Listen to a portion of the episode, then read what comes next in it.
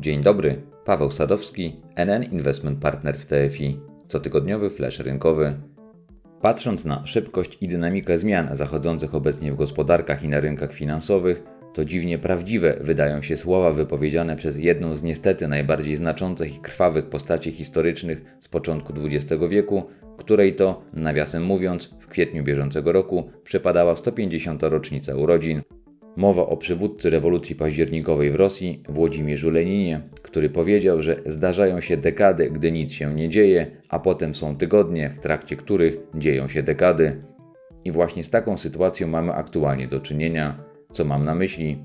Globalne perspektywy gospodarcze z tygodnia na tydzień stały się najbardziej mrocznymi we współczesnej historii, a obecny kryzys, związany z przymusowym zamknięciem globalnej gospodarki, pozostawi prawdopodobnie więcej trwałych blizn gospodarczych niż wielu analityków spodziewa się.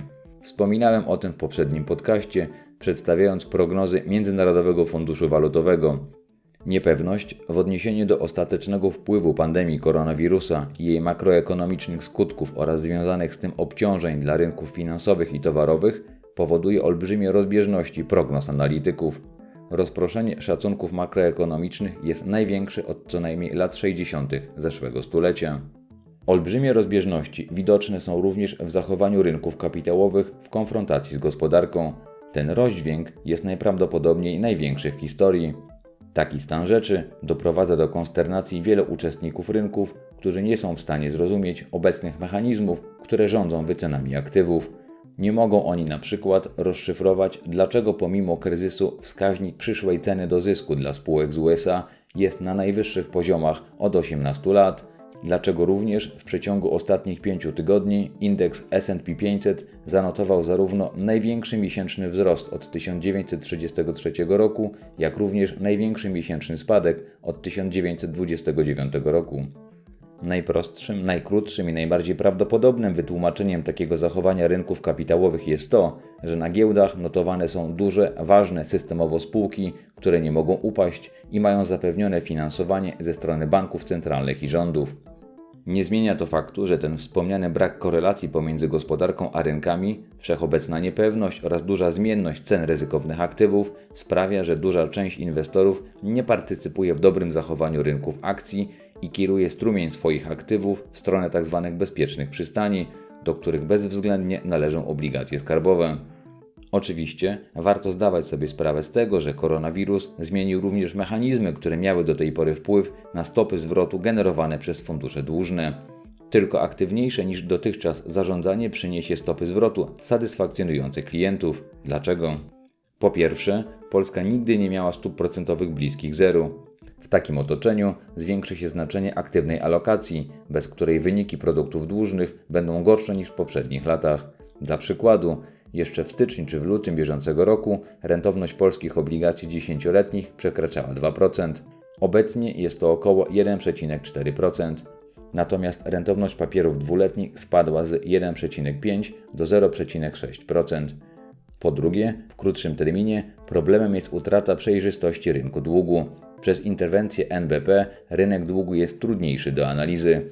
Oceniając inwestycje w polskie obligacje skarbowe, należy brać pod uwagę bardziej techniczny, a nie fundamentalny obraz rynku. Nie wiadomo również, kiedy gospodarka wróci na normalne tory oraz zagadką pozostaje inflacja. Po trzecie, kluczem do osiągania lepszych stóp zwrotu przez fundusze dłużne będzie poszukiwanie okazji inwestycyjnych poza Polską. Przy czym należy pamiętać, że obraz np. długu rynków wschodzących też uległ zmianie. Ten segment jest teraz mniej homogeniczny. Na przykład dług naszego regionu zachowuje się ostatnio inaczej niż obligacje krajów Azji czy Ameryki Południowej. Generalnie dług rynków wschodzących oferuje wyższą rentowność od długu krajowego oraz rynków bazowych. Stwarza to oczywiście większe szanse na zarobek, ale nie zwalnia z obowiązku bacznego zwracania uwagi na kondycję poszczególnych państw. Nie najlepszym pomysłem wydaje się również kupowanie całego koszyka obligacji rynków wschodzących i liczenie na to, że wszystko będzie rosło. Kolejnym miejscem do szukania wyższych stóp zwrotu w przyszłości będą globalne obligacje korporacyjne. Zapewne kryzys sprawi, że fala obniżek ratingów zepchnie do segmentu high yield emitentów mających obecnie rating inwestycyjny. Zakładając, że podaż obligacji wysokodochodowych wzrośnie, a ilość pieniądza w tym segmencie pozostanie taka sama, więc powinno to spowodować spadek cen. Wyższe rentowności w połączeniu ze wsparciem dla tej klasy aktywów ze strony banków centralnych i rządów powinny sprawić, że część klientów będzie przechodzić do tego segmentu w poszukiwaniu wyższych stóp zwrotu.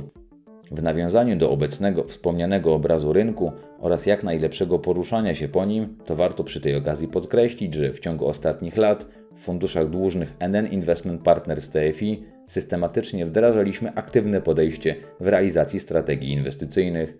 I właśnie ta aktywność zarządzania portfelem, kontrola ryzyka oraz coraz szersze wykorzystanie dostępnych instrumentów pozwoli nam dalej i z sukcesem konkurować z innymi rozwiązaniami tego typu. W rezultacie w naszych produktach dłużnych jesteśmy w stanie generować atrakcyjne stopy zwrotu, mając zawsze na uwadze minimalizację poziomu ryzyka oraz maksymalizację płynności aktywów funduszy. To tyle na dzisiaj i do usłyszenia.